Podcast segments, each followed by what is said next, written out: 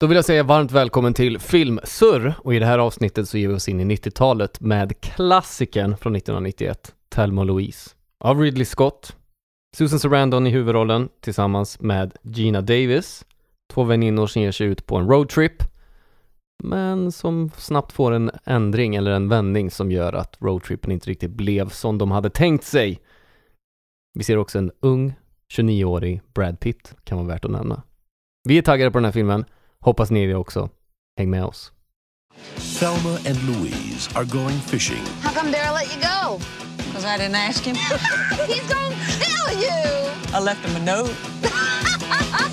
Thelma and Louise are going to catch hell. I'll have a wild turkey straight up and a Coke back, please. Thelma! Oh, what? Tell me something. Is this my vacation or isn't it?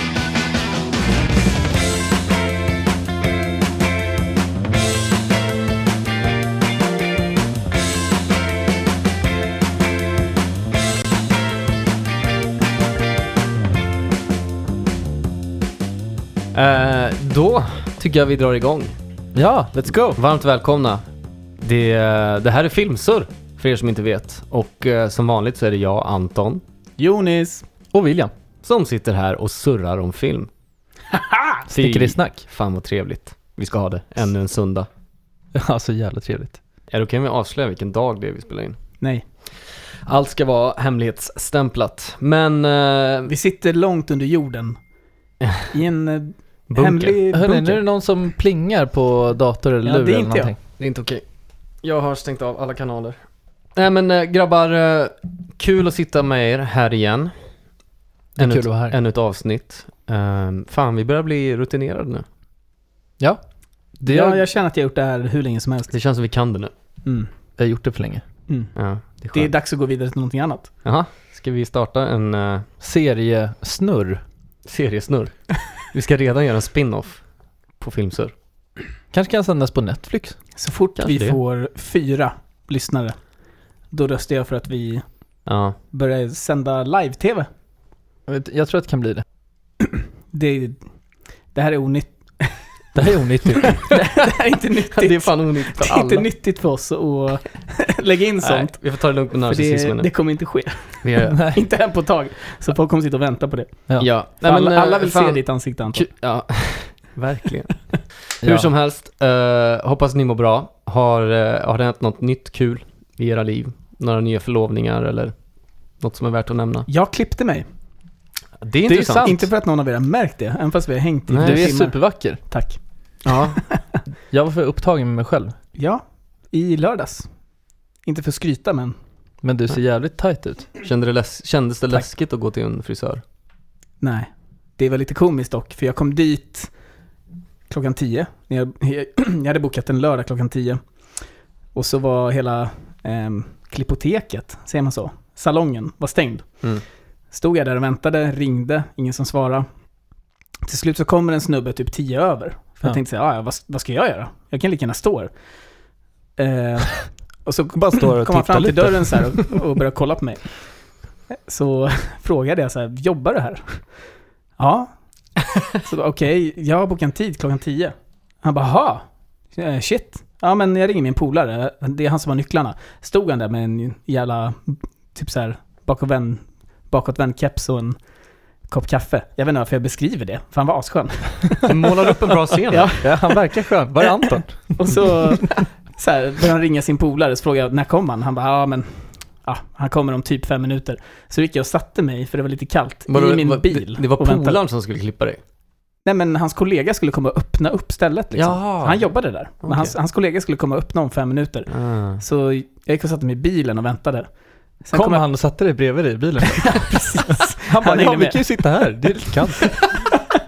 Får jag också sitta i bilen med dig? Och så när, när vi kom tillbaka sen så... Nej, när jag gick tillbaks, typ kvart 20 över, Mm. då kom polaren öppnade. Och så när jag fick sätta mig ner i stolen, då var det 20-25 minuter sent med den Ja. tiden som jag hade bokat. Mm. började han klippa mig. Då frågade jag så här, hur går businessen nu under de här tiderna? Ehm, och då sa han det, nej men det, det är svårt som för alla liksom. Ja. Det är eh, nästan inga kunder. Men Och det tyckte jag var sjukt, för det var, tyckte jag var sjukt komiskt. Med tanke på hur lite de värderade min tidsbokning. Ja, de borde behandlat dig som en konung. Ja, Fan. det är Prisade du alltså vanligt fullpris? dubbelt pris det säga. Dubbelt pris? Nej, vanligt pris. De bara, nu i de här tiderna så får vi ta dubbla betalt för att det går svårt för oss nu. Ja, det är rimligt. Ja, det var komiskt. Jag hade ju faktiskt en, eh, jag skulle ju åka till Italien. Jag skulle varit i Italien nu. Jag skulle varit på Sicilien Precis. och suttit på, eh, vid Så blev- poolen. Så blev det inte. Nej. Ehm, och det var ju för att fira min styvfar som fyllde 50. Mm. Så för att lägga lite plåster på såren så styrde vi upp en italiensk afton Just det. tillsammans med Mys. min bror, hans flickvän och Lyssnade moster. ni på spellistan som jag skickade över? Med Vi gjorde det. Dinner Music. Men hälften av dem var ju amerikanska kärlekslåtar. Ja, jag vet. Det är lite så här Frank Sinatra och... Ja, men det var mysigt. Ja. Men den var lite kort. Det var, vad var det, 20 låtar? 30 Okej. låtar. Nej, jag ska göra det bättre. Jag lovar. Ehm, jag tror att du borde göra en egen italiensk. Ja, jag ska Spellista. göra. Då blir det bara... Det hade varit mycket bättre tror jag. Då blir det bara... Min moster saknade Klassiska. Eros Ramazzotti. Eller vad heter han? Ja, vill, ja, man kanske vill ha honom på listan. Jag vet inte. Jag tycker inte han är så bra. Men andra kanske tycker han är skitbra. Vad vet jag? Eh, hur som helst så... Ja, alltså min vecka har fan, den har varit seg alltså. Det är första veckan jag känner av att nu börjar det bli trist att sitta och jobba hemma och stirra ut ur samma fönster varje dag och gå på de här jävla promenaderna för att man ska få ihop sina steg. Ehm, och sen själva jobbdagen är identisk med kvällen och allting annat man gör. Vad man, är det med steg? Vad, vad, varför ska du få ihop steg? Vi har en tävling på jobbet där man ska komma upp i 15 000 steg per dag. Eh, och det är kämpigt att få ihop 15 000 steg alltså. Det det är är, många steg. det är minst tre rundor om dagen alltså. En på morgonen, eh, en på lunch och sen en kvällspromenad om man ska komma upp i 15. Hade du bott på Amalfikusten så hade det bara varit, då hade det bara varit att gå upp till affären. för, för alla som, som inte varit på Amalfikusten så räknar man ju allting i steps där. Så att hur många steg är det att Hur gå långt är det till den stranden? havet? Det är 500 steps. Då vet det är faktiskt så mycket trappor. Ja, fan. Vi fattade inte riktigt det. Var- Varför Nej. skriver alla i steps? Men när man väl kom dit och insåg att var man än ska gå så är det i uppåtriktning eller nedåtriktning. Så det är steg liksom. Precis, vi, vi tre var där tillsammans. Ja, det kan man ju. För de som lyssnar och förstår var, varför vi alla tre har, varit med om det här. Tänk dig den som jobbar med det. Att så här, Räkna ut steps. Anton, du, du lever ju det livet nu. Ja. Så här, mitt jobb är att räkna stepsen till alla hotellen. Varför är det mitt jobb? Nej men, Ja, men du, ja, lever, du- du, beskrev ju att du är så Jag vill inte jobba med det. att få bara räkna hur många steg man har gjort. Skadad. Det finns folk som lever med det här Anton. Jag vet, fan. Get your shit together. Ja, vi är Tänk bortskämda. Vi är, eh, det är vi faktiskt. Ska vi snacka lite om filmen som vi har tittat på? Ja. Eh, Typ inte? Nej, det här var Jo, skittrevligt. det ska vi göra. Bara ranta om våra liv och se om någon är intresserad av att lyssna om det. Men eh, jag tycker ändå att vi borde beröra filmen som vi har tittat på. Thelma and Louise Yes. från 1991. Ja. Ehm, jag gav ju en liten synopsis eh, i inledningen där om vad filmen handlar om. Men eh, har ni några övergripande tankar om innehållet i filmen? Vad vi har sett, vad vi har tittat på? Vad har ni fått med er? Vi har sett en episk resa.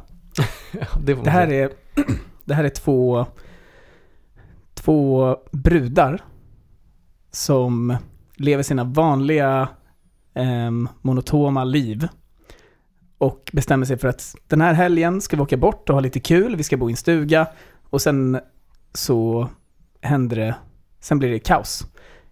Det, jag skulle beskriva det lite som em, vad fasen heter den här filmen? De ska gifta sig. Ehm, och de är på en, ett bachelor party. Hangover. Jag skulle beskriva den här... Big brains over here. Ja. Nej, men jag skulle beskriva den här filmen som ett, en hangover-resa. Mm. Saker och ting spårar.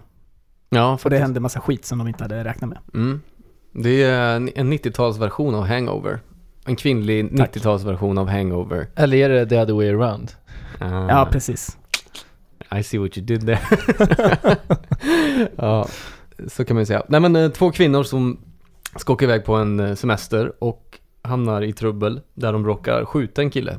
Eller väljer att skjuta en kille på grund av att han försöker våldta en av tjejerna. Ja, det är svinmycket hemskare än Hangover. Varför tog jag med det där ens? Ja, Förlåt, bra berätta fråga. igen så klipper vi bort allt jag sa. Två väninnor, så, två väninnor som åker ut på en, eh, på en resa i eh, Arkansas, amerikanska södern, och hamnar i trubbel när de stöter på en snubbe som försöker våldta en av tjejerna och eh, de väljer att skjuta honom. Eh, vi kommer prata om den scenen senare, antar jag. Men, och därför tvingas eh, dra på flykt från polisen eh, och sina liv måste man väl ändå säga. Eh, att de inte bara är, liksom, jagas av polisen eller försöker komma bort från polisen utan att de också kommer bort från sina Mm. mindre bra liv som de lever till vardags. Eh, är det en feministisk film? Skulle ni säga? Ja, Absolut. Det snackades mycket om att det var en vändpunkt i feminismen. Det hade inte riktigt gjorts den här typen av filmer förut med så starka kvinnliga karaktärer som i den här. Ehm, men man får väl ändå säga att det är ett feministiskt budskap. absolut. Det är, jag tycker det är hemskt att se hur illa behandlade de blir på vissa sätt under resan. Ja, männen, Men- Ja. de manliga karaktärerna målas ju inte upp skitbra. Nej, nej. Ehm, och jag läste någonstans att eh, många män var upprörda när den här filmen släpptes 1991. Ja, jag kan tänka mig det. Snackar vi 91 eller 93? Ja, 91, va? 91. 91. Eh, på grund av att eh, de manliga karaktärerna svartmålas ganska mycket. Eller det är, det är inte många positiva manliga karaktärer förutom Ja, men... polisen som spelas av Harvey Keitel. Mm. Harvey Keitel Men kanske? även i filmen så svartmålar de inte alla män som är med. Nej. Det skulle kunna hända en sån här bizarr grej för, eh, för två tjejer som åker på en roadtrip. Ja, exakt. Så jag tycker det är under, alltså 1991, två tjejer åker på en roadtrip. Jag kan se det. Jag också. Det här är väl, det är alltså den utspelar sig väl till och med tidigare, tänker jag. Att det utspelar sig på typ slutet av 80-talet eller något sånt. Ja, det vet man inte riktigt. Nej, Alltså det kommer aldrig riktigt fram vilken, vilket år det är. Så jag antar att det bara är en nutida film från 91 liksom att den utspelar sig 91 också, kanske. ja. Det är möjligt. Så kan det vara. Ehm, men det känns ju inte som så länge sedan som kvinnor behandlas på det här sätsättet och alltså menar, Som kvinnor behandlas det, det fortfarande görs på ju fortfarande, exakt. Det gör de ju fortfarande på det här sättet. Ja. Eh, inte i samma utsträckning kanske. Och det är inte lika fine, alltså inom citattecken, Nej. försökte jag demonstrera. Nej, nej men jag har inte. Ehm, men det känns som att man kunde komma undan lättare på den tiden. Mm. Men alltså den var väl lite banbrytande. Det var liksom att så här, två tjejer bara sticker och eh, eh, blir cowboys ute i öknen liksom. Precis. Det är en väldigt bra beskrivelse av kaffa snubbars beteende mot kvinnor. Ja, jag håller med. Jag, ty- jag tycker den hå- håller det måttet. Ja. Jag tycker man vi- köper det. Vi tre som snubbar då, känner ni er upprörda över filmens, eh, vad heter det, gestaltning av manliga karaktärer? Känner Inte ni alls. Nej, alltså, Vi, vi sitter inte där och är förbannade. Vad fan! Nej. Vad var det här för smörja? nej. Bra. Det hade varit sjukt. Faktiskt. Eh, det är också intressant för att jag eh, satt och googlade lite om eh, så här, akter i filmer. Mm. Och då dök den här upp som ett praktexempel på treaktsformatet i filmer. Vet ni vad jag menar när jag säger treaktsformatet? Ja, jag tror det. Och då, liksom så här, då målar de upp en graf för själva treakter, att så här, inledningen med vad som händer, sen kommer det en vändpunkt i filmen som tar dem in i andra akten. Mm. Andra akten är alltid längst. Det är där mest scener utspelar sig och mest Mm. dramatik utspelar sig. Ehm, och sen så kommer de till en punkt där de går in i tredje akten när det vänder igen. Och sen så når det sitt klimax i tredje akten och sen så banar det ut neråt eh, mot slutet av filmen som en avslutning då. Och då drogs den här filmen upp som ett praktexempel på det och då är ju första akten är ju att de ger sig ut på en roadtrip, de är Mm. glada, lyckliga, de ska ut på någonting kul. Sen kommer det en vändscen eller en nyckelscen när eh, mannen, våldtäktsmannen blir skjuten. Vad heter våldtäktsmannen förresten? Henley Harley. Harley. Daryl? Nej? Har- Nej, någonting på H. Ja, exakt. Vadå, är det... Det här borde vi Är det Harlan? kunna se. Harlan. Harlan ja. Som de träffar i baren där eh, när de är typ första kvällen på roadtrippen. Mm. Så, så själva första akten är väldigt kort i den här filmen. Men det är också ett markant eh, avbrott på första akten och det är när de väljer att skjuta eh, Harlan, våldtäktsmannen. Mm. Och då går de in i andra akten där de liksom eh, drama, dramatiken eskalerar mer och mer för varje sak de gör. Och sen så utvecklas deras rollkaraktärer då till att acceptera att nu är de laglösa och de är på jakt. Och då sker det ytterligare en vändning som tar dem in i tredje akten när polisen får reda på vart de är någonstans. Mm. Och då går de in i tredje akten. Och polisen hittar dem, kommer fram till dem med helikoptern och polisbilarna. Och då, når det, då är man inne i tredje akten och då når det klimaxet där och sen kör de ut för klippan och då liksom dalar det ut till avslutet på filmen. Mm. Så det, är- det är ett väldigt så här klockrent exempel på hur du skriver en film och hur du jobbar med dramatiken i en film i tre olika akter. Så jag tyckte det var, det var kul att se. Och det är väl det som gör att den här filmen är, den är lätt konsumerad. Alltså alla människor kan verkligen uppskatta den. Den har inte som the, the Tree of Life, eller typ den typen av filmer, eller så här jättekrångliga Coen-filmer som vi snackade om förra avsnittet. Där eh, vändningarna och nyckelscenerna och dramaturgin är så liksom upp och ner och sker på alla mo- möjliga håll och kanter så är det här en väldigt lätt film att ta till sig.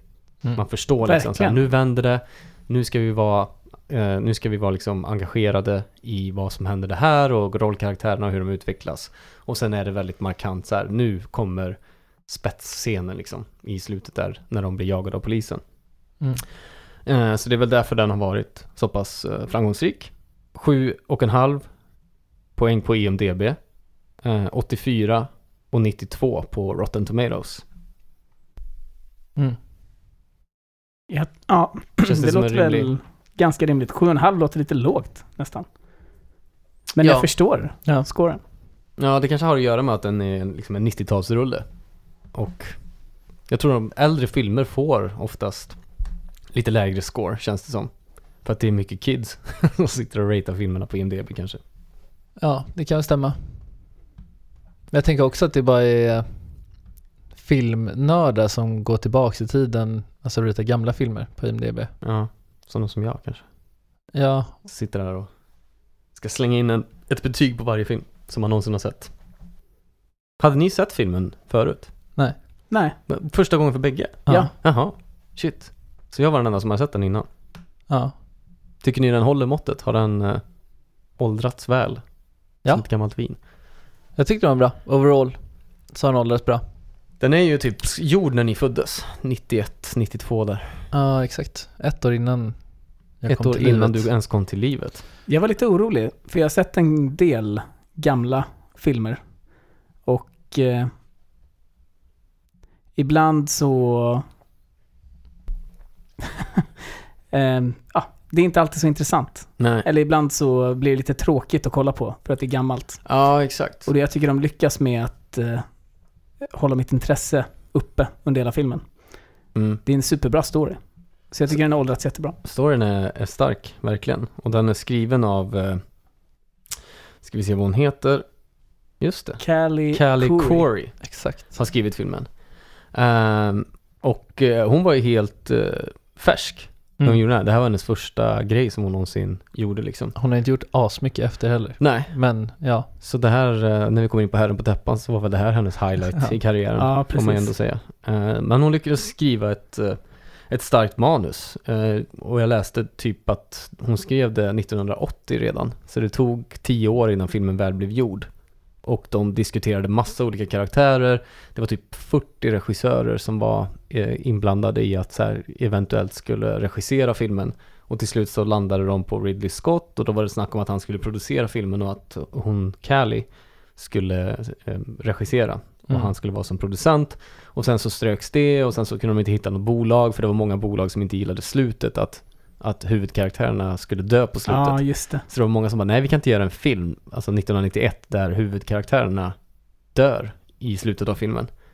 Mm. Eh, det var ju inte jättevanligt heller kanske, när man gjorde film på 90-talet och speciellt inte om det var ett stort Hollywood eller majorbolag som skulle producera filmen. Då ville de ju alltid ha ett lyckligt slut för att det var det som sålde biljetter. Liksom. Eh, Så det tog tid innan filmen väl kom till skott och den blev producerad av Scott. Eller Mm. regisserad av Scott. bada bing, bada boom. Bara boom.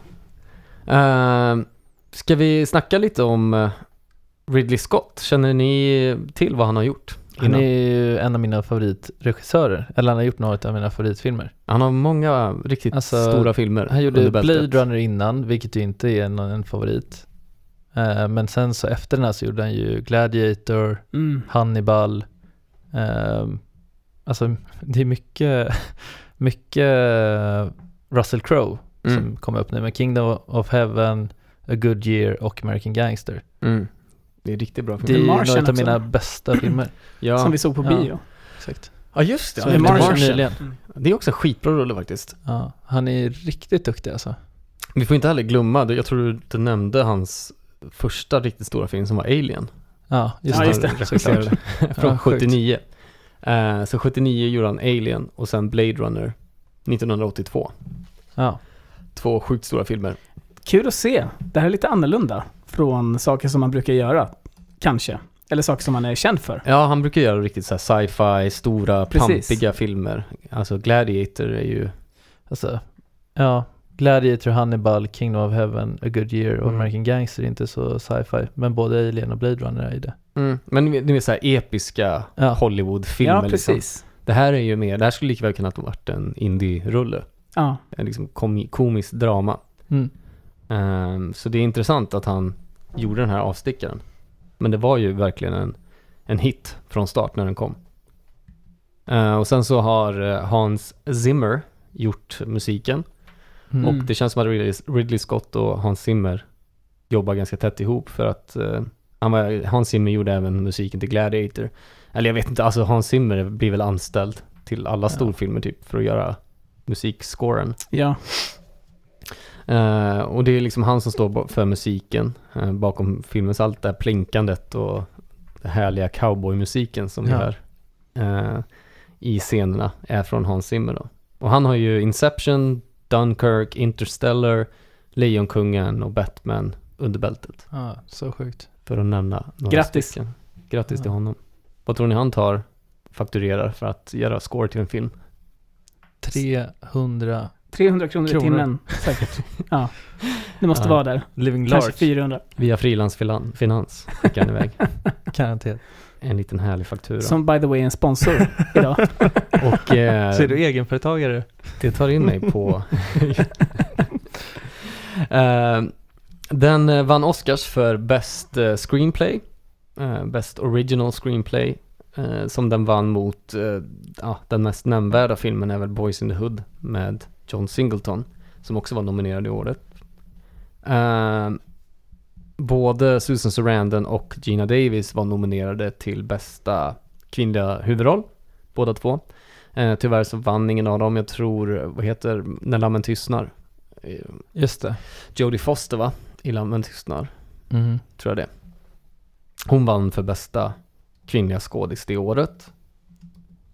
Och de var även nominerade till, eller eh, Thelma Louise var nominerad till bästa regi för Ridley Scott, bästa foto och bästa klipp, filmklippning. Och den tävlade då i året, bara för att nämna några andra filmer som också var nominerade, som, eller som var nominerade som bästa film var Lammen tystnar, Beauty, Beauty and the Beast, eller Beauty of the Beast, Beauty and the Beast. Mm. Beauty and the Beast. Bugsy, JFK och Price of Tides. Har vi sett alla de här? Nej.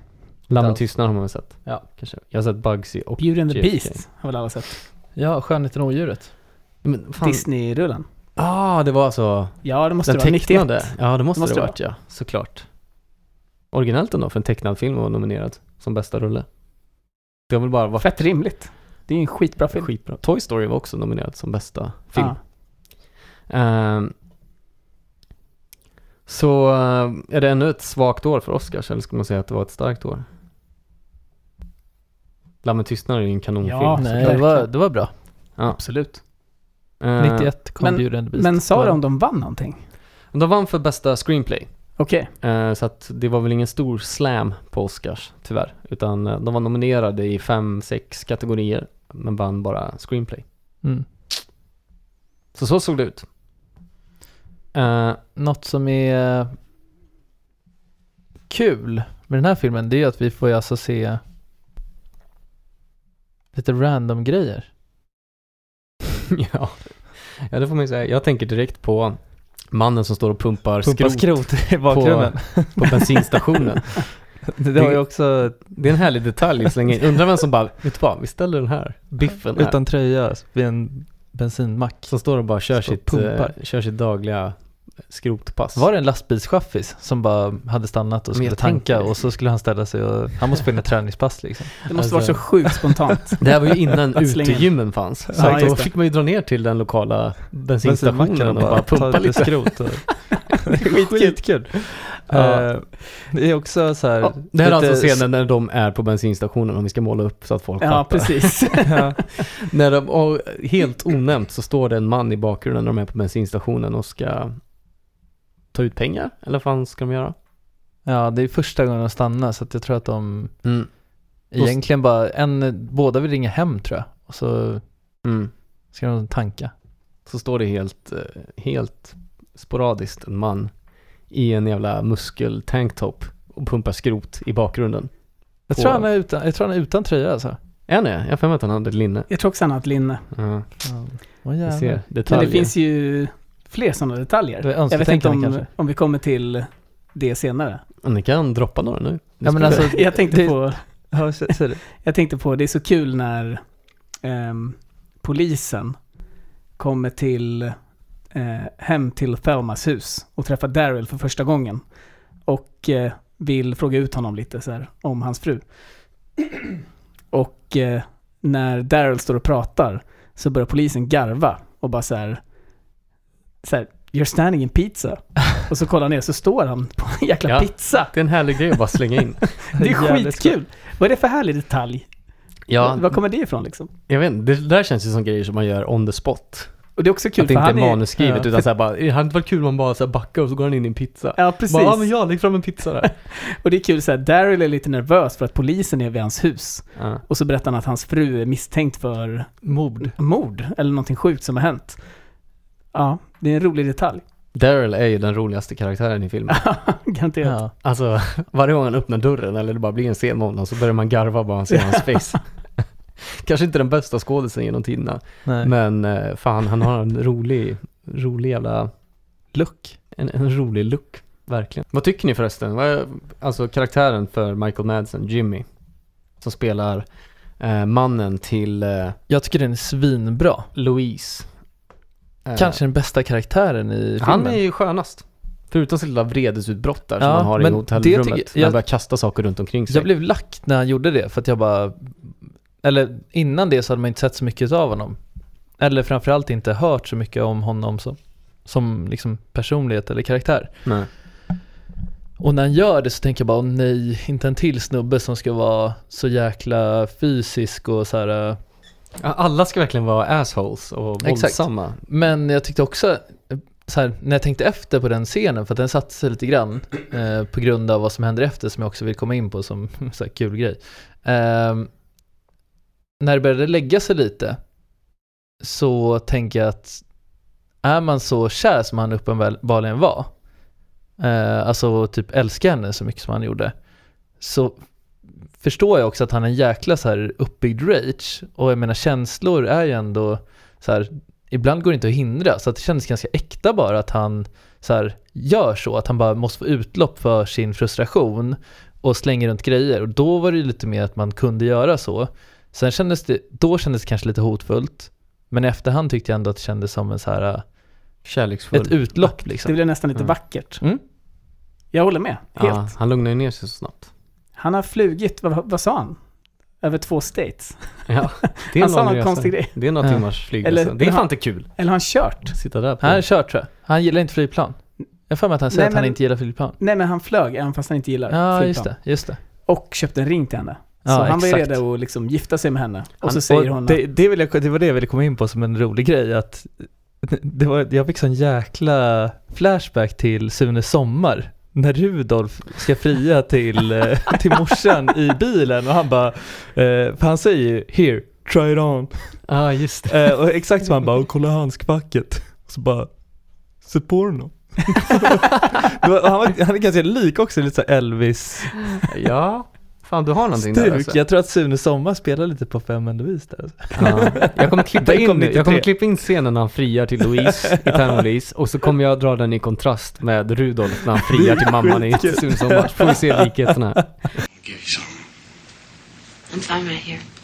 I want to give you something. Give it to my hair. Won't you try it on? Well, you didn't see that one coming, did you? Why, Jimmy? Try not to get too excited, Louise. I just flew across two states with that ring in my fucking hand. Så jag tänkte det skulle passa bra med en, med en sak till dig. Ja? Hålla handskfacket. Rudolf, en förlovningsring. Ja, har köpt den själv. Blev. Så. Nej, va. Tuta. till bevis där. Alltså. Eh, ja, nej men han, eh, han gör en jättehärlig karaktär, jag håller med. Eh, Susan Sarandon. Hon, eh, när man är inne på hennes DIM, EMDB så, alltså, det tog aldrig slut. Jag satt där och scrollade Nej, precis. i evigheter, för hon har gjort så jävla många jobb. Men eh, Han aldrig- började typ 1970 eller någonting. Ja. Var med i sin första film. Exakt, så hon var väl barnskådis då? Nej, men typ tonårsskådis. Och sen har bara Ja. pumpat allt som, hon har tackat ja till varenda jävla erbjudande hon har fått, känns Ja. det som. Sen har vi Thelma-karaktären som spelas av Gina Davis. Första jag skrev ner var 182 centimeter lång. Ja, hon Ja, lång. hon är ju Lång skitlång. jävla Hur lång är du William? 180? 180. 180, ja. Jag tänkte på det när hon stapplade in efter hennes hotellnatt med Brad Ah. Pitt. Då såg man hur jävla lång hon var. Jäklar. Eh, och hon började sin karriär som uh, Victoria's Secret-modell. Och Jaha. då var det Sydney Polak som upptäckte henne och castade henne i en av sina filmer eh, 1982. Och sen var typ det här andra filmen hon gjorde. Så det här var väldigt tidigt i, kar- i karriären för henne. Mm. Och jag hade också svårt att hitta någon så här, just det, hon var den karaktären i den filmen. Ja. Men jag kommer ihåg henne från Flugan. Uh, Stuart Little. Stuart Little. Det var det jag tänkte på också. Men jag kommer inte ihåg Stuart Little alltså. jo, men jag kollar på den. Vem är hon Ja, där? jag med. Då var jag en pojk. Är hon en pojk? Nej, jag var en pojk. Jag tror att hon är Mrs Doolittle. Ja, hon är morsan. Ah, okej. Michael Madsen har vi pratat om. Ska vi prata om elefanten i rummet? Braden. The Ja. Brad. Ooh. 30-åriga Brad, eller 29-åriga Brad. Ehm, Det är sjukt, jag trodde han var yngre i den här filmen. ja, han känns ju yngre. Men han, Han säger att han går i skolan. ja, han ska nog spela någon typ av college-student. Nej, han är ju bara en lögnare. Han Ja, för hon- hon ser igenom banker. Men Ja, exakt. Eh, men det var ju i den här filmen som Brad Pitt blev slog igenom. ja, verkligen blev så här, eh, vad heter det, folkkär, eller household. Ja. För att så här, när man pratar om Thelma och Louise så nämnde man ju Brad Pitt i bara överkropp i hotellrummet. Ehm, och hans karriär tog ju verkligen fart efter den här filmen. Då, då blev han poppis. Och fan, Det är med all rätt. kudos till Jag honom. förstår alltså. det. Så jävla, fan, sexig karaktär han spelar i den här filmen alltså. Ja, det är han. Hans första roll var ehm, i filmen Hunk. där han spelar Boy at the Beach som gjordes eh, 87. Sen var han med i Dallas 88. 21 Jump Street från Jaha. 88. Jäklar. Föregångaren till The original. the original one. Eh, 91 blir han då stor och gör snabbt efter den här filmen True Romance 93. Och sen så gör han Seven som verkligen gör honom till en. A-list, Ja. eh, A-list skådis i Hollywood. Sleepers 96 och sen Fight Club 99 då, Ja. är väl hans största. En av hans största filmer. Jag ska bara snabbt dra igenom lite fun facts om filmen. Mm. Ja, men gör det. Eh, F, F, F, F. F. Favoritsegmentet. Och den här veckan så är Fun Facts sponsrat av Frilansfinans. Skicka dina fakturor vart fan du än vill. Det är också skitbra att frilansfinans, frilansfinans är också FF. Ja! Vi måste ringa upp dem. Föräldrafritt, frilansfinans, Ja, fun fan. fact. Men i alla fall, här är några snabba fun factos eh, om Thelma Louise. När Daryl halkar på byggmaterialet i början av filmen. Ja. Eh, när han är på väg till jobbet och sätter sig i sin Lamborghini. Jag är så dålig på... Är det en Lamborghini? Nej, Porschen eller? Porsche. Okej då. Ja, du vet, jag och bilar går inte ihop. Men då halkar han på, han, han, hal han halkar på byggmaterialet. Det var oskriptat. Det var bara... Ja, han, han råkade halka på Det plank- syns plankorna. typ. Mm. Shit vad bra För det han kändes lite överspelat. Men han, det är helt improviserat. För att han Ja. bara så här, oj nu halkar jag, nu får jag bara spela med här. Och han, ah shit. Det var, det var snyggt. Ja, det var nice. Och likadant med eh, hörlurarna. Var, du vet när hon ligger där och solar vid hotellet. Ja, Eh, Thelma ligger alltså och solar och lyssnar på musik med sina hörlurar. Eh, och så kommer Louise. så kommer Louise och rycker hörluren ur henne. Det var egentligen tanken var att hon skulle liksom höra henne och bara okej vi, vi drar då, packa ihop Ja. grejerna och hoppa in i bilen. Men eh, hon hörde faktiskt inte för att hon lyssnade på musik i hörlurarna. Så eh, Louise, Det är så sjukt att hon ligger där och lyssnar på musik Ja. när hon spelar in en scen. Ja. Eller alltså varför har de inte bara Ja, det- inte på musik? Konstigt. Så Louise improviserade och bara hoppade ur bilen, sprang fram och bara skrämde livet ur henne. Ja, Sen men hon hade en jävligt genuin reaktion. ja. Det är så man reagerar när man ligger och blundar och liksom musik och någon bara Rycker kommer ur och rycker hörlurarna. ur hörlurarna. Eh, det är tio år mellan tjejerna. Mm. Det syns. Ja, så, ja, jag hoppas att det är Louise som är äldst. Ja, ja, Annars kommer jag tappa Susan förståndet. Sarandon. Susan Sarandon var väl i 40-årsåldern. Eh, 40 Just plus det. i alla fall. Medan eh, Gina Davis, som spelade Thelma, var i 30-årsåldern. Mm. Eh, eh, George Clooney berättade för Gina Davis på ett flygplan som de råkade hamna bredvid varandra. Att han hade läst för JD-rollen, alltså Brad Pitts roll, fem, fem gånger. Hade Va? han Nej. aud- kört audition för den rollen. Men inte lyckats få den. Men eh, vilken dröm att hamna på ett flygplan bredvid George Clooney eller Gina Davis. Ja, den, Ja, är, den är inte tråkig. Men eh, i alla fall, Gina Davis hindrade Ridley Scott från att skaffa en, en, eh, en double, body double, alltså en in, vad heter det? En stand-in Mm, för ja. henne i sexscenen med Pitt. Hon bara, nej nej, I got this. Jag tar det. Men varför skulle de göra det? Nej, för att så här, det är en sexscen, alltså det är ganska vanligt i Hollywood att man tar Mm. en stand-in för sexscener för att det ska vara ganska mycket så här naket och avklätt. Så alla skådespelare är inte helt bekväma med det. Eller så har de i sina kontrakt så här att jag gör ingenting som visar någonting. Just det. Eh, När så gjorde då måste det man då? skaffa en body Sa hon till det efter att hon hade sett Brad Pitt? Har du någon mer info? Har du lite Eh, details? När jag läste var det att hon bara sa till Ridley Scott, han bara, ja så för den här sexscenen så kommer vi skaffa en dubbel till dig. Hon bara, nej nej, ja, jag ska göra den scenen. Ja, ja, jag förstår det. Verkligen. Eh, fem stycken 66 Thunderbirds användes för filmen.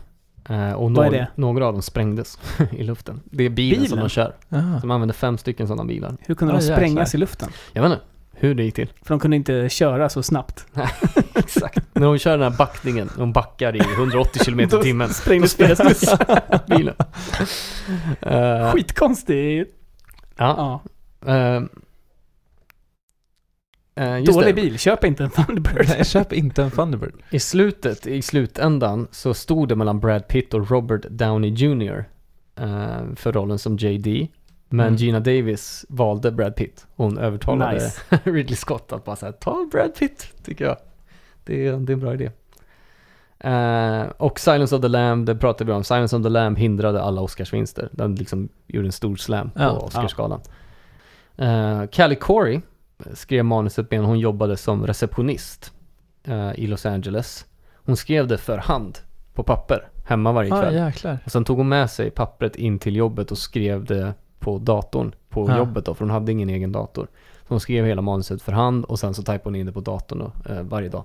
Så det hon sysslade med. Fy fasen, vad fett. Hoppas hon inte hade i sitt kontrakt att företaget får allting som hon håller på med. På. Exakt. De bara, du den Ja, här det. eh, Thelma Louise-filmen som du ska göra nu. Den... eh, vill Vi äger den. Vi äger den hela filmen. Eh, slutet av filmen, som är eh, ett av de mest välkända filmsluten i historien, eh, kanske inte hade blivit en av de mest omtalade slutet på en film om Ridley Scott hade gått igenom en idé som han hade att låta Louise putta ut Thelma ur bilen det sista hon gör innan hon flyger ut ur klippan. Så Mm. Thelma skulle överlevt. Hade det funkat? Eller är den, är slutet bra som det är? Att båda två kör ner för klippan. Ehm, jag tycker att det är bra. Det blir mer slagkraftigt Mm. på något sätt. Absolut. Alltså, annars hade det varit så jävla deppigt. Om man hade vetat att hon åkte tillbaka till sin snubbe typ. ja. Ja, precis. ja, och hon har väl troligtvis hamnat i fängelse också. Några. Det är väl typ lite frigörande på något sätt. Mm. Det hade varit nice om hon knuffade ut Thelma. Så att hon ramlar precis innan. Och sen så ställer hon sig och dyker ut från stupet själv ändå. Drar ut på Ja. det svinmycket. Dyker ner, kommer ikapp, öppnar upp bildörren och bara I'm dying with you. Jag ska också fighting-scen på vägen ner. De bara börjar slå varandra. Men jag ska också dö! Det är som i Sagan om ringen när Gandalf slåss mot den här Ja, elddemonen. Balrogen. De bara flyger ner där för stupet. Det blir total buskis i slutet av filmen. De bara tappar allt. Bara, vad fan Det är ändå? Ridley Scott. Exakt, man vet aldrig vad man kan vänta av honom. Uh, hörni, det var fun facts. Ska vi gå in på kategorier? Yes. Kategorier. Alright.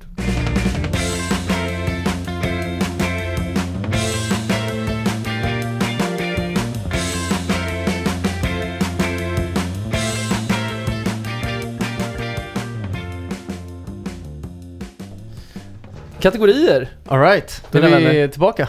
Eh, vi ska gå igenom kategorier och vi börjar med bästa skådespelarinsats. Ja, jag... Eh, jag har sagt det förr och jag kommer säga det igen. Nej jag skojar.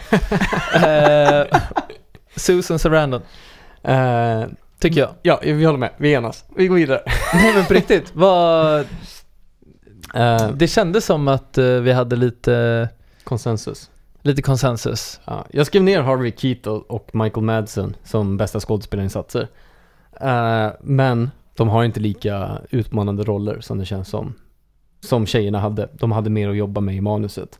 Och eh, av de två huvudrollskaraktärerna så tycker jag absolut att Susan Sarandon gör den starkare rollen. Ja, för jag var lite inne på, eh, eller så här, jag, jag tänkte att Felma är ju, hon gör den största resan genom filmen.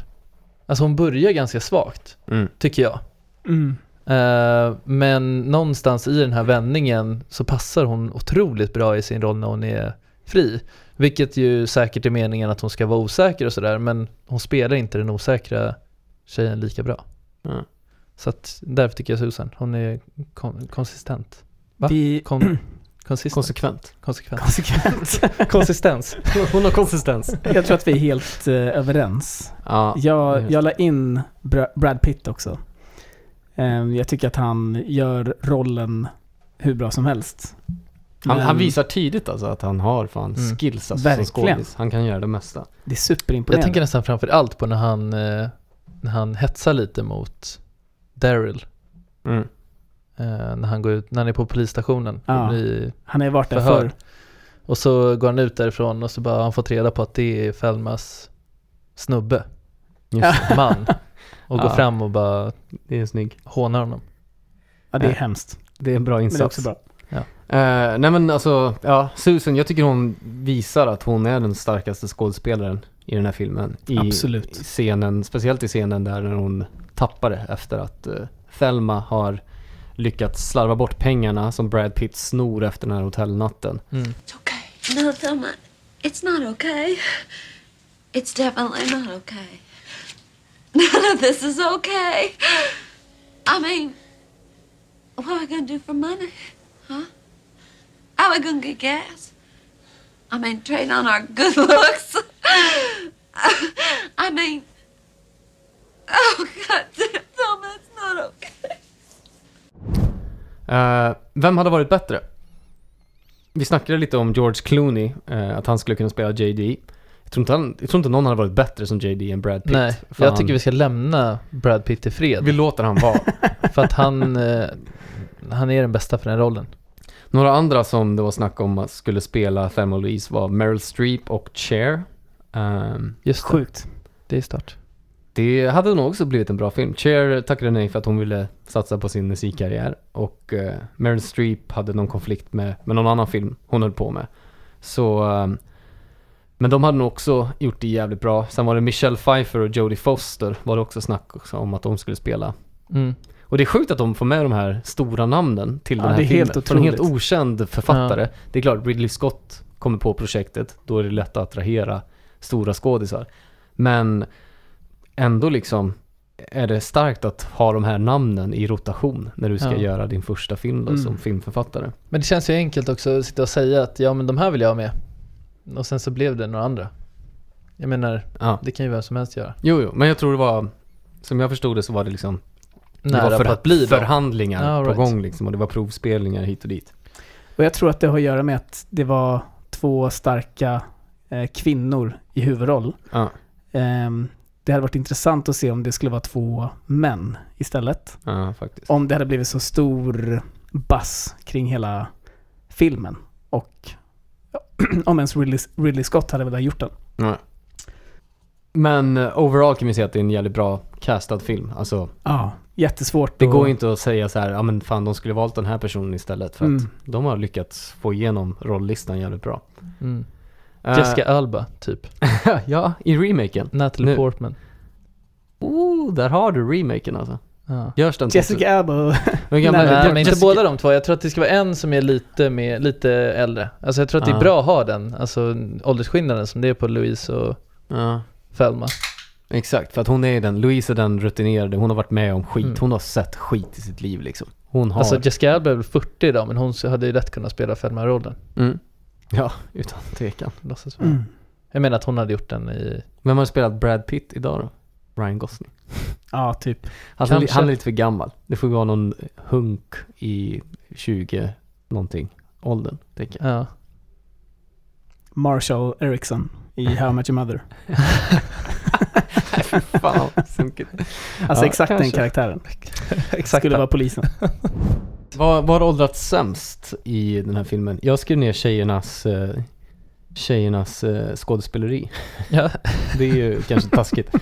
Men eh, jag, jag, tror- jag tror inte det är... Speciellt när vi har valt Och de blev så här nominerade bästa. för bästa. Ja, de fick ju Oscars, eller de var nominerade till Oscars för bästa roll. Men jag vet fan, jag tror inte det kanske är deras fel så mycket som så här, sättet filmen gjordes för 30 år sedan. Mm. Att det känns mer teatraliskt och det känns inte lika naturligt själva dialoger och sättet som skådespelare framför ett manus. Mm. Eh, och man hade inte förväntningar på att det skulle vara bättre på den tiden så man köpte det mer då. Ser man tillbaka på en 30 år gammal film, ser du tillbaka på en film från eh, 60-talet, 50-talet så är ju skådespeleriet helt Ja. värdelöst. Så att skådespeleriet och dialoget, sättet du skriver dialoger kommer alltid bli bättre med tiden. Så jag Men tror det, var det bara... ju, det var ju en annan grej. Alltså film var ju film Ja. och verklighet var, var verklighet. Mm. Nej men det är två olika saker, eller var i alla fall. Nu senaste åren så har ju man velat att allting ska vara extremt verklighetstroget. Mm. Mm. Eh, vilket jag håller med om när man gör film, att det ska vara, kännas äkta. Ehm, ofta. Sen så behöver man inte reenacta allting till exakt punkt och pricka när man gör Nej. eh, liksom, filmer på verkliga händelser och sådär. Ehm, men jag tycker också att, jag vet inte, jag tycker att det är många scener med dem som är väldigt äkta. Alltså, dels då som du själv nämnde som Susan Sarandon när hon sitter och bryter ihop. Den känns väldigt genuin, eh, den scenen. Alltså Mm. att det är så man hade agerat. Jag tycker också att, ja men det var jag i och för sig inne på, att det var den scenen när hon drar ut, när de drar ut eh, hörlurarna. Från, eh, från Felmas Ja, just det. öron. Att Då det känns känns, det väldigt, väldigt äkta. Och det var ju för att det var det också. Ja. Ja, jag tänkte på ehm, att de dricker alkohol och kör bil samtidigt. Nej men Ja, det är en hel så del av det var, alltså. så Don't var det kanske, så, var, så är det väl mer i USA än i Sverige. Men så var det säkert Så är det också väl mer fortfarande i USA. på 90-talet. Ja. Men att det första som händer under deras roadtrip, det är att Thelma vill stanna på och ha lite kul på vägen.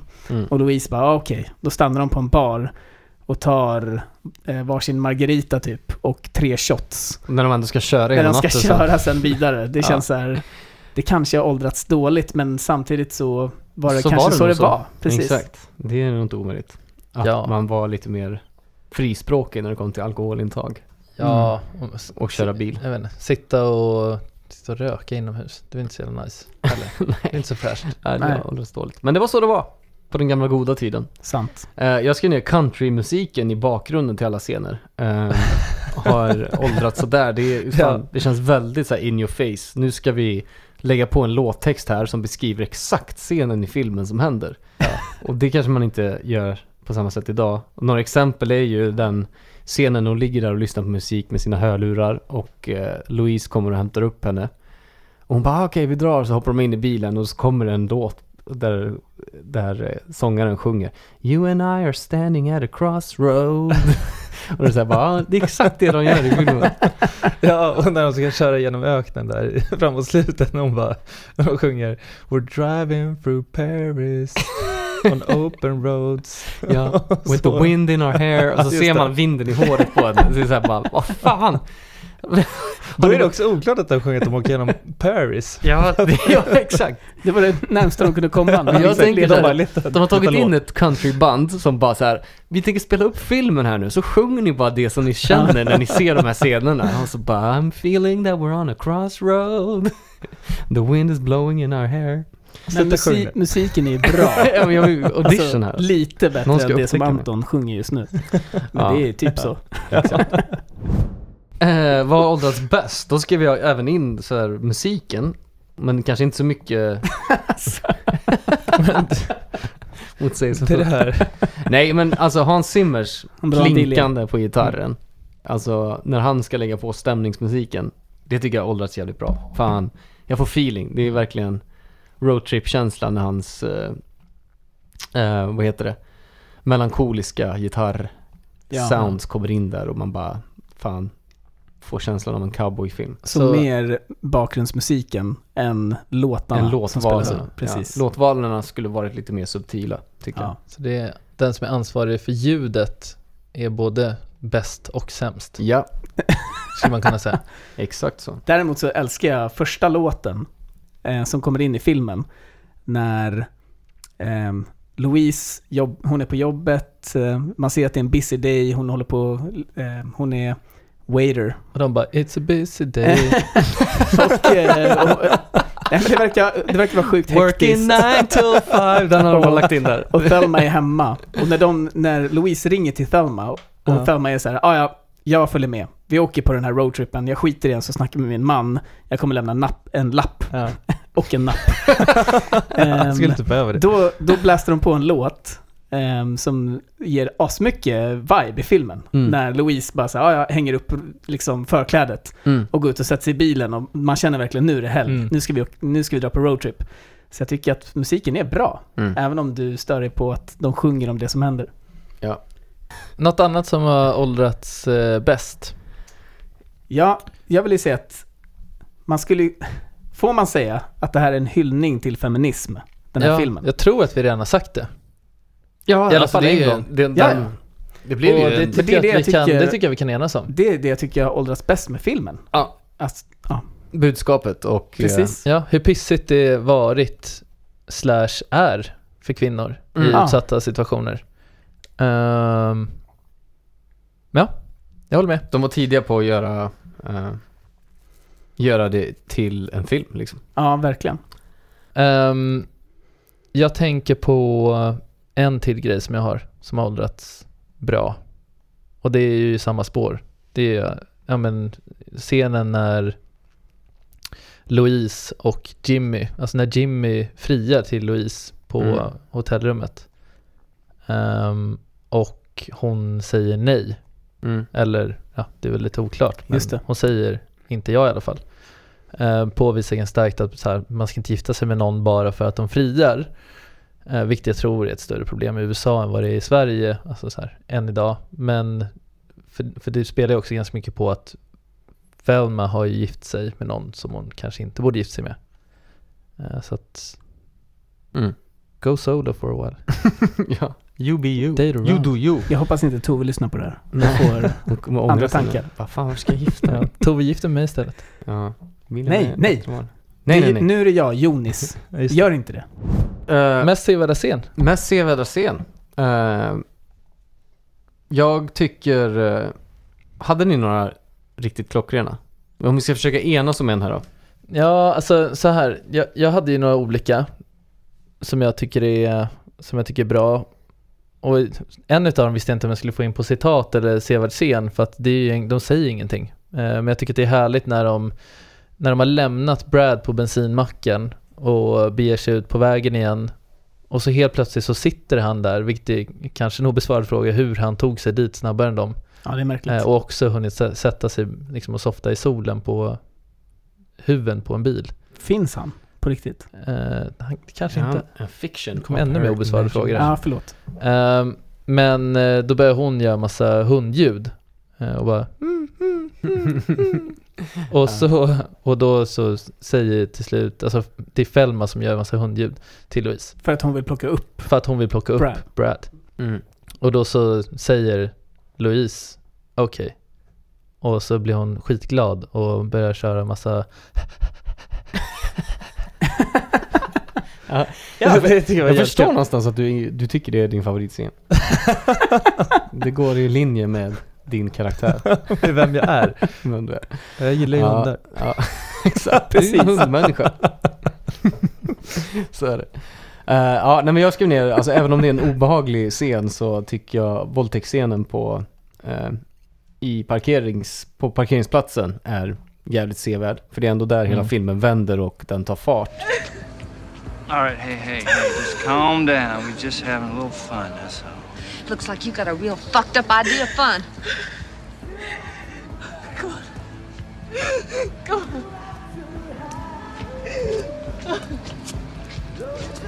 Turn around.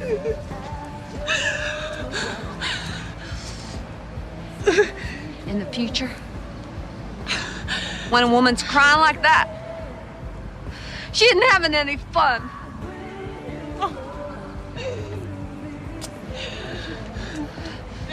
Bitch! I should have gone ahead and fucked her. What did you say? I said, suck my cock. Eh, och jag tycker den är jävligt stark. Jag tycker det, det så här befäster vilka deras karaktärer är. Speciellt Louise då som verkligen så här bara är redan traumatiserad från att troligtvis ha upplevt det här själv tidigare i livet. Bara eh, blir en jävla badass och skjuter dem där. Och det är en stark scen, alltså den Ja, är verkligen. välgjord. Alltså när han slår henne eh, och så här verkligen, Han slår Thelma alltså. han slår Thelma.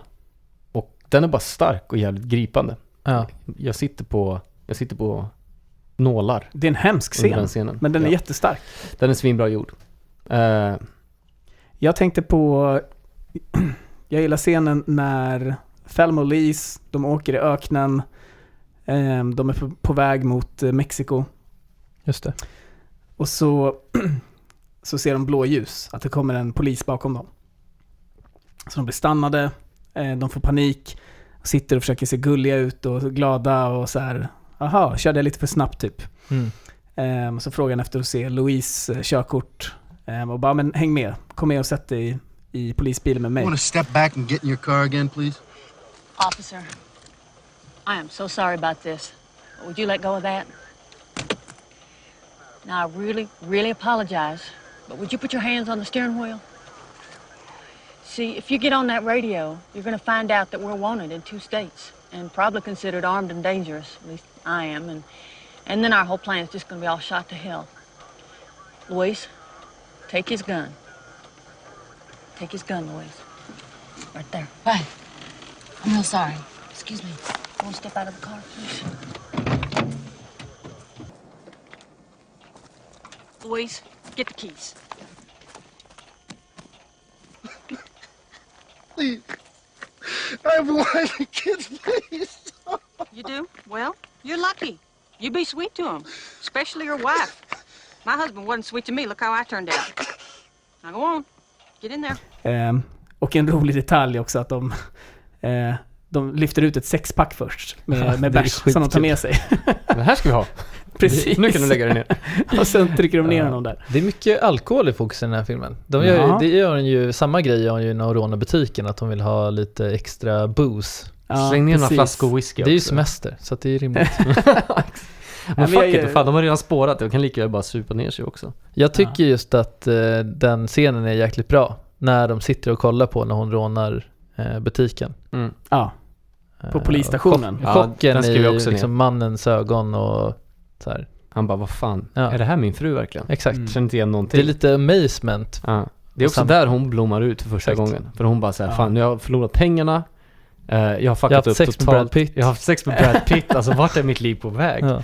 Och så då bestämmer hon sig för att så här, okej nu ska jag ta tag, nu ska jag bli den som kontrollerar mitt liv. Så hon springer in och bara rånar stationen, blommar ut totalt och Mm. bara blir en helt annan kvinna än vad hon var innan. Men det får man inte se, förutom i... På polisstationen så ser man det i övervakningskameran. Mm. Ja, För polisen de visar sitter aldrig där scenen med mannen live. och kollar. Det kommer vi nog tillbaka till tror jag. Ja. Mm. Och på tal om kul så tycker jag att den roligaste scenen i filmen, eh, om vi ska tillbaks till mest sevärda scener, eh, så är det när Snyggt. Felma ringer eh, hem eh, och Louise har så här, ber- instruerat henne. instruerat henne att ja, men om, man låt, om han låter lite konstig eller om man bara låter överhuvudtaget eh, så lägg på luren för att För då, då är vet polisen han. där. Och då vet han om allting. liksom.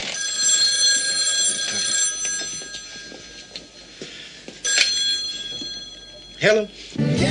Daryl, it's me. Thelma, hello. He knows. Men, eh, och han svarar bara Felma? Hello? Låter fett onormal och hon bara slänger på luren direkt. He knows. He knows. He knows. Det är Ja, sjukt. Det är en bra Det är scen. bra. Eh, den mest uppenbara kanske är slutscenen. När de Ja, kör ut självklart. från klippan liksom. Eh, och det är ju det mest omtalade, ett av de mest omtalade sluten i, i filmhistoria liksom. Mm. Det mest episka slutet. Det är extremt befriande. Och förmodligen den bästa scenen i filmen. Ja, det är ju en, det är nog mitt, eh, min, mitt bidrag till bäst, mest sevärda scen är liksom, de bestämmer sig för att ta sina liv och bara fuck it, vad har vi att Ja. Och leva kvar för? Vi kör ut från klippan här och avslutar allting. Det är så kul när man säger med, med sevärda scen också för att det är ju någonstans, hela filmen gör ju att den scenen blir extremt befriande. Mm. Men ska man sätta på och kolla på en scen Alltså om man Ja. bara ska välja en scen som man ska kolla på så bara, ja men sätt på den här sista scenen klippan. när de här två brudarna kör ut från klippan. Det tycker jag är kul. Man behöver nog lite mer kontext kanske. Men jag, ja, ja. Men om man ska kolla på Eller, Eller, eh, stand scen då? Och Bara så här, den bästa scenen att visa någon som inte behöver se hela filmen, då är det jamaikanen som kommer på cykeln. ja jag tror visa. Vad hade man trott att filmen handlade om då? Det är jävligt... Jamaikanen Speciell kommer och scen. blåser ner Gandhi. Han har en sport, eh, vad heter det? Så här, En Riktig tävlingscykel, tävlingscykel. Liksom. Han tävlingsutstyr Kläder, på sig. ja. Och så Han röker han, röker han, han blazar liksom. Och bara hör ur från polisbilen där polisen ligger i bakluckan. Och bara 'Help me, eh, jag är fast där' Och han bara, helt tyst, helt cool lugn, går fram och bara tar ett djupt drag av sin, eh, sin blunt och bara blåser ner i skotthålet i, i bakluckan. och rö, röker ut snuten som ligger där. Det är en skön scen. Det är konstigt att de bara slängt in den där. Alltså så här. det är sjukt kul. Men det var så polisen blev hittad då av jamaikanen. Han bara blazar ut honom och sen så ringer han bara ah, ni, ni har en av era män där i, i bakluckan. Men det vet man inte. Nej, det är en obesvarad Ja, fråga. jag vill ju jag vill spara till obesvarade frågor. Exakt. Okej, okej, okej. Men, Ta det lugnt, eh, mannen. men ja, Hold your fucking för det vet man horses. inte. Bästa citaten. Eh, jag har tre stycken. Ja, jag har redan droppat mitt enda. Okej. Too soon. Jag, jag tycker det är härligt när eh, Louise säger till våldtäktsmannen Harlan? Harlan. Harlan. Eh, you got a fucked up idea of fun. Eh, hon, hela hennes, eh, hela hennes eh, snack där med honom tycker jag är bara feta repliker rakt igenom. Jag gillar när, när hon, ma- hon, Thelma utvecklas ju gradvis genom filmen. Men en punkt där hon bara så här, nej jag kan inte leva så här längre, jag måste verkligen slå mig fri, är när hon säger till Daryl, sin man då, eh, Daryl, go fuck yourself, och bara lägger på luren. Ja. Jag gillar det citatet. Och sen kanske mer klassiska, if nobody lose their head, nobody loses their head. Som hon lär sig från Brad Pitt och sen använder när hon går in och Mm. rånar butiken. Också en fet, fet line. Ja, svinbra. Då kör vi största tabben. Jag hade direkt ingenting. Jag tycker inte att eh, filmen gör några större misstag. Nej, alltså Jo, alltså jag jag tycker att det är lite märkligt att, eh, att eh, Felma så kort tid efter att hon nästan har blivit våldtagen vill plocka upp eh, JD, alltså Brad Pitt. Ja, det är jäkligt orimligt. Eh, när man har haft en så dålig erfarenhet av män. Alltså hon som är så osäker också, eller så här oerfaren utav så här, interactions med män. Eh, jag tänker snarare att, så här, att hon att hon eh, borde typ ring, att hon borde ringa hem till sin man och vilja komma tillbaka till sin safety zone efter ett sånt utspel att nästan har liksom blivit våldtagen så fort hon går utanför hemmet så borde hon liksom vilja tillbaks. Mm. Det kanske är talande på något sätt för att hon så djupt inne inte vill tillbaka till det. Men jag tycker fortfarande att det är lite för tidigt. Det hade, det hade kunnat skett på något annat sätt. Mm. Jag tänker att de vill visa någonstans på att hon äntligen får komma ut och ehm, göra som hon vill. Och eh, de vill också visa på att hon kanske är lite naiv när det kommer till killar. Att Louise vet, hon är lite mer erfaren och vet, vet att så här, ehm, ja, tänker efter lite mer. Mm. Men det, jag tycker fortfarande att det är orimligt. Ja. Men eh, det kanske är viktigt för filmen för att det är också viktigt att det är Thelma som fuckar upp där och hon ligger med Brad och sen snor han pengarna Ja. från hennes hotellrum och sticker. För det, jag tror att det är tanken att eh, Thelma ska fucka upp Ja. eh, där. Alright. Uh, Spin-off-serie på Netflix, vad hade det kunnat vara? Det är kanske svårt eftersom de båda dör. Man får göra det på några andra karaktärer. Eller göra en eventuell remake då, eh, i en Mm. annan tappning. Ja, jag, jag vet inte riktigt. Jag tänker att vi, vi tänker ofta spin-off-serier, tänker vi att det ska vara samma typ skådespelare och karaktärer. Ehm, men jag tänker att man skulle kunna fokusera lite mer på, man skulle kunna göra en på Brads liv. Efter, alltså man ska liksom göra en spin-off på någon karaktär i filmen, att det hade flugit för att Brad är Brad. Uh, snygg och sexig och JD, 30 år senare. Ja men jag menar vi Hur han pratade... fortfarande stryker runt där och ligger med milfs i öknen. Ja, men glider runt och rånar eh, grocery stores och bara lever ett härligt liv. Med en, Ja. men vi, det känns som att ja, den här har gjorts i en 2020 års, eller 2010-talstappning eh, som är... Den har gjorts i 2020 år. Den har gjorts i 2020 år. Nej men en, en show som eh, är väldigt lik den här är ju The End of the Fucking World. Netflix-serien som är skitbra. Eh, Mm. Och hyllad Grym. rakt igenom. Ett bevis på att det funkar att göra en Det funkar typ och den handlar samma grej. Eh, tjejen är nära på att bli våldtagen av ett creep. De är i hans hus. Eh, hon blir nästan rapad av honom och då kommer hennes killkompis upp och de hugger ihjäl honom så han dör. Och sen så tvingas de fly då från polisen under en säsong. mm. Ja. Eh, så det är typ samma story, bara att den inte är lika feministiskt uttryckt som den här filmen. det har kommit en till säsong va? Tror jag. Ja, säsong två. inte lika bra som ettan. Nej. Men den, eh, den höll måttet. Hur som helst, eh, vi lämnar spin-off-serie och går vidare på Herren på täppan. Vem var på toppen av sin karriär i den här filmen? Mm. Callie Curry, Ja, måste det- vi säga. det alltså författarinnan. Hon som har skrivit skiten. Ja, för alla gick vidare och gjorde större grejer. Harvey Keitel hade typ gjort större grejer. Mm. Eh, man skulle kunna argumentera att uh, Thelma, Gina Davis, att det Ja, här var precis. hennes topp kanske. Jag tror inte hon har gjort så mycket större grejer efter det här. Nej, Hon har varit med i stora filmer, men alltså det här måste Little. varit, ja, men det här måste varit det creddigaste Ja. och största hon har gjort.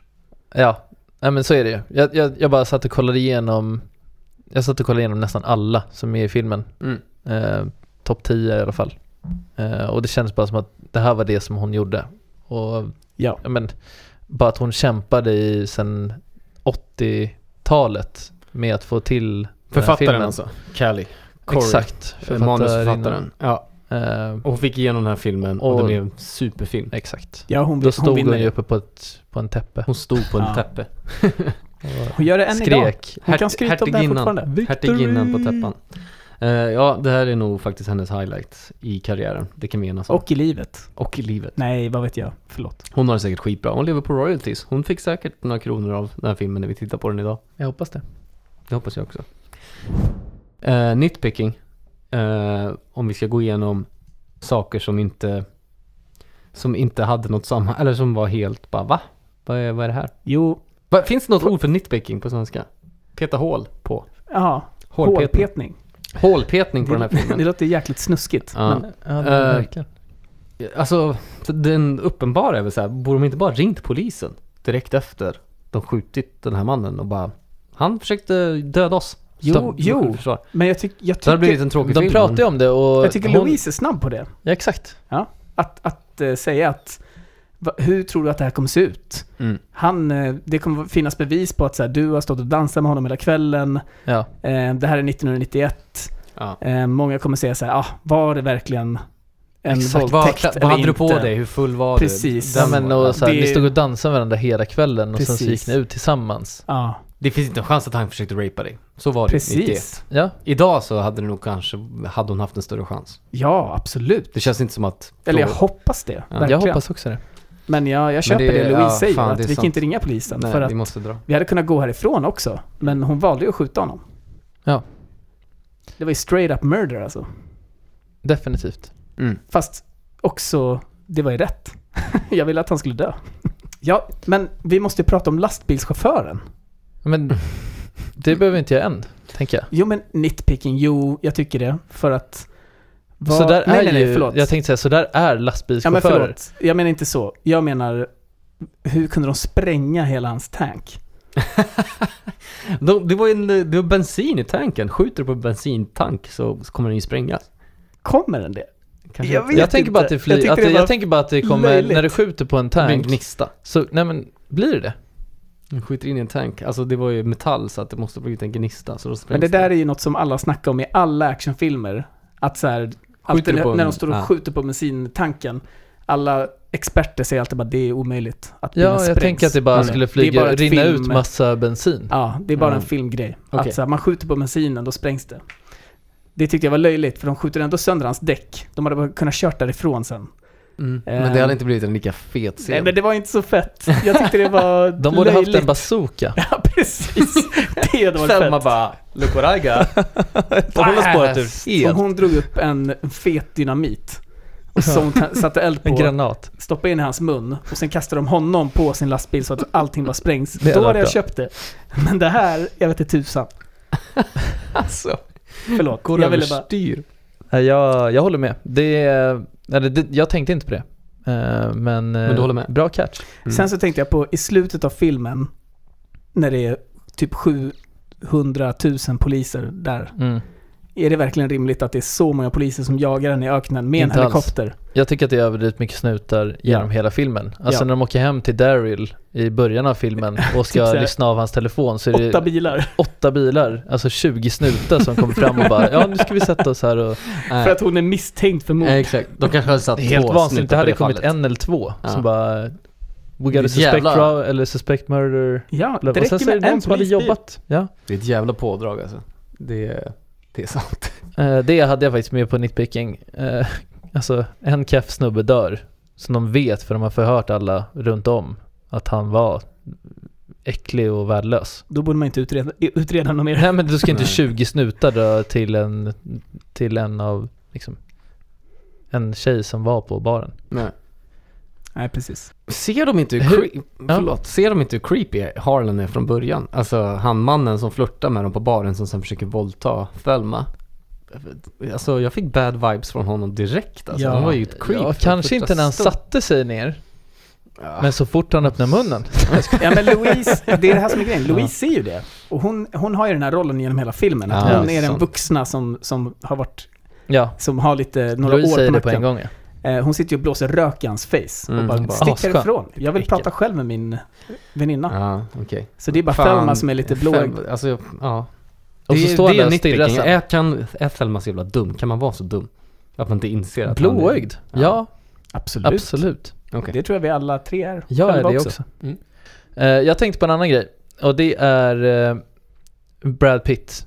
Jag kanske nämnde det, men hur han han till eh, eh, efter bensinstationen de har nekat honom en skjuts. Mm.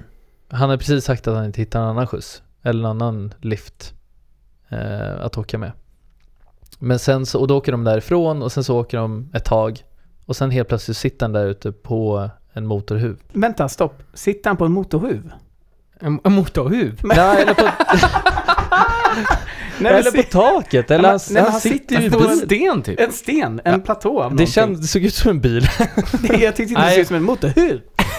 Sitta på en motor, motorhuv? Okej, han sitter på en jävla sten. Han borde i alla fall stått vid vägen och hållit upp tummen som en normal liftare. Nej men han kanske pre- Ja. precis blev avsläppt. Och ville Ja, avnjuta men en hur, hur hann han dit före dem? Han satt ju på en motorhuv. jag vet inte. Ja, Det okej. är sjukt, jag håller med. Det är Ja. Jag tycker det är konstigt. Skitsamma. Okej, Ska vi, Eh, kan vi gå över på obesvarade frågor? Nej. Nej.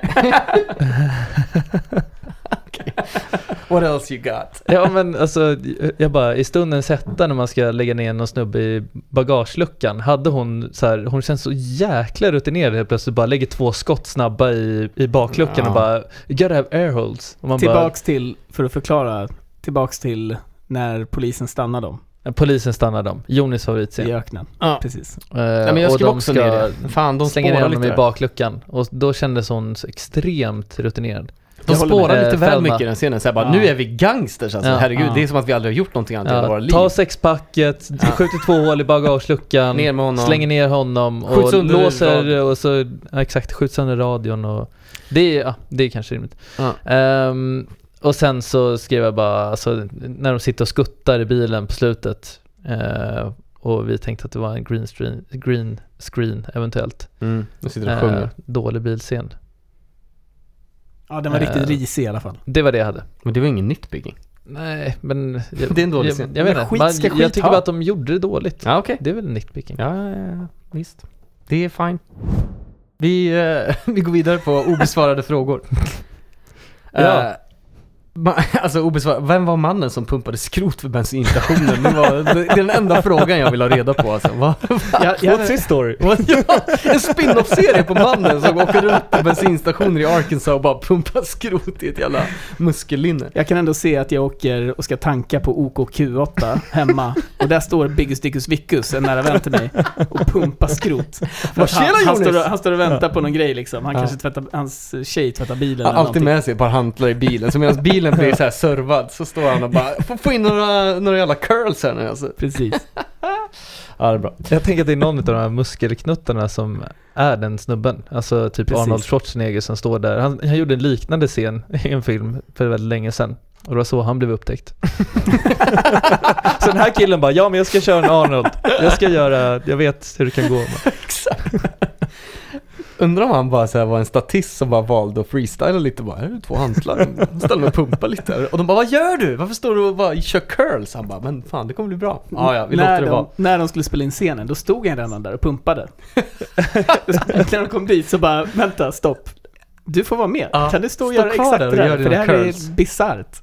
Det kommer bli en snackis. Ah, fan, jag vill höra hans historia, jag vill veta allt om honom. Eh, han är den mest intriguing karaktären i hela filmen. Eh, Ja. Obesvarade fråga, uh, lastbilschaffisen, röstar han på Trump eller? I nästa val? 100 110 000 procent. 000 procent. Ja. Han känns inte Vilken som han jävla är, mansgris alltså. han, är, han röstar inte på Hillary Clinton. Nej det tror Eller jag inte. Bernie Sanders. Det är sjukt att du tänkte på det när du såg det. Ja, men han kändes som en eh, Trump-kompatibel följare. Ja, alltså garanterat. Har, har han varit med i militären? Ja, han är veteran. Han är veteran. Han Som har får- blivit lastbilschaffis. Ja, det är Garanterat. säkert. Ja, det är väl ganska normalt. Ja, det tror jag. Ehm, och sen så är det ju en, en det är ju en obesvarad fråga eh, om hon faktiskt blev våldtagen. Uh, nej men det blev hon ju inte. Ja, ah, du menar Louise? Louise. ja just Ah. det. I Texas. Alltså att det är därför de inte åker igenom Texas. Nej, det får man aldrig riktigt svar på. För att de säger aldrig det rakt ut, men det känns ju som att så här, ja, alltså hela filmen bygger ju på den våldtäktsscenen och att hon skjuter för att Mm. hon skjuter eh, Harlan. Eh, och blir sjukt upprörd av det. Och, och när hon frågar så blir hon upprörd av att hon frågar. Och sen Mm. så vet han vad som hände med henne, så att han tycker att det var rimligt att de agerar som de gjorde. Så att det är ju, man får ju svaret mer eller mindre, men Mm. det är ju inget Sant. Nej, det är en obesvarad fråga. Uh, hörni, vi ska dela ut några priser också. Ja. Kevin Sorbo-priset som är baserat på Kevin Sorbo och hans Hercules-karaktär. Ja. Eh, för bästa... Släng in den, släng in Vi den. slänger in den. Wait a minute. This isn't my world. Disappointed! Bästa overacting. Alltså vem spelade över i den här filmen. Jag skrev ner flera stycken. Eh, Men jag, Jag tror med. ändå priset går till eh, lastbilschaufförerna. Ja, Lastbilschauffören i slutet. Alltså, Sämsta. det är det sjukaste. Den, det borde, vi borde byta namn från Kevin Sorbo-priset. Till den här Till den här karaktären. snubben. Ja, vad, han nu heter. heter. Det får vi kolla upp. Och, men ja, han är nog den sämsta skådisen som de kunde ha hittat. Eh, ny kategori, Uma Thurman-priset. That's when you know you found somebody really special. And you can just shut the fuck up for a minute, comfortably share silence.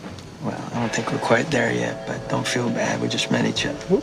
Den bästa dialogen i filmen. Jag skrev ner eh, Louise och, och Jimmy, nu, som du nämnde, det här med dem, vad har jag för färg på ögonen? Eh, Mm, just det. Och hela deras scen på motellrummet. Eh, när de, när man så här bygger upp deras karaktär och deras relation till varandra. Mm. Det är den bästa skrivna dialogen. Jag tycker den är välspelad, den är välskriven och rakt igenom. Ja. Mm. Och jag tycker den efter när de sitter på fiket. Mm. Ja, den är också svinbra. Ehm, de sitter ihop på något sätt. Vem vann filmen? Jag skrev eh, Brad Pitts överkropp. Så jäkla rimligt. Alltså, finns det någon annan segrare? Ja men alltså jag tycker Brad Pitt överhuvudtaget. Ja. Han, han blev ju stor efter den här filmen. Verkligen. Och så här. Ja, jag tycker Brad Pitt. Mm. Jag tänkte först, eh, jag tänkte att kanske Ridley Scott, men han har ju Alien och. Blade Ja, Runner innan verkligen. så att han, Han behövde inte den här filmen. han behövde inte det här. Eh, Men Brad Pitt behövde det här. Ja. Det var här det tog fart för Brad Pitt. När hela USA satt och dreglade eh, Ja. över honom. Jag i- tyckte att det kändes konstigt att se honom för att han är så mycket spinkigare. Ja. Alltså han är så mycket sma- tunnare än vad han är liksom alltid efter. Mm. Har han bäst kropp i Thelma och Louise eller i Fight Club? Fight Club. Ja. Det Fight Club är ju standard. Och ännu bättre i. Troja. Typ. Ja, just det. Ja, men då är han Fast- svinbitig. Ja. Mm. Uh, hörni, ännu en gång så har vi tagit oss igenom ännu en film. Thelma Louise 1991. Är det här en nolla, etta eller två? Är frågan. Det är en... Och betygssystemet då, för eh, om man inte känner till det, är nolla är en film som, nej, den här behöver man verkligen inte se. En etta är en film som, ja visst, den här är värd att se. En tvåa är en film, den här måste, en tvåa är, det här är en film måste du måste du se. se. Du får inte missa den här filmen. Två. Det är en tvåa. det är en Absolut. tvåa. Ja. Jag Ja. håller med. Den är, det är en sån klassisk film som, Jag är besviken på mig själg att jag inte hade sett den tidigare. ja. Men nu har ni gjort det. Ja. Var glad över det för fan. Tack Anton. Var glad för det lilla i livet. Det var skitbra. Ja. Eh, tack till eh, er två. Och eh, vi ses för snart igen. Ja. Det hoppas jag. Med en ny film. Får se vad det blir då. Eh, ni som lyssnar, skicka era förslag på filmer som vi ska titta igenom. Och det kan ni göra via Instagram, via Twitter. Tweet tweet. Vi heter Filmstör Podcast. Nu tror jag jag säger rätt. Eh, eller skicka ett mail till oss på filmsurpodcast@gmail.com. Ta hand om er där ute, så ses vi igen om ett tag. Adios. Tjup. Ciao!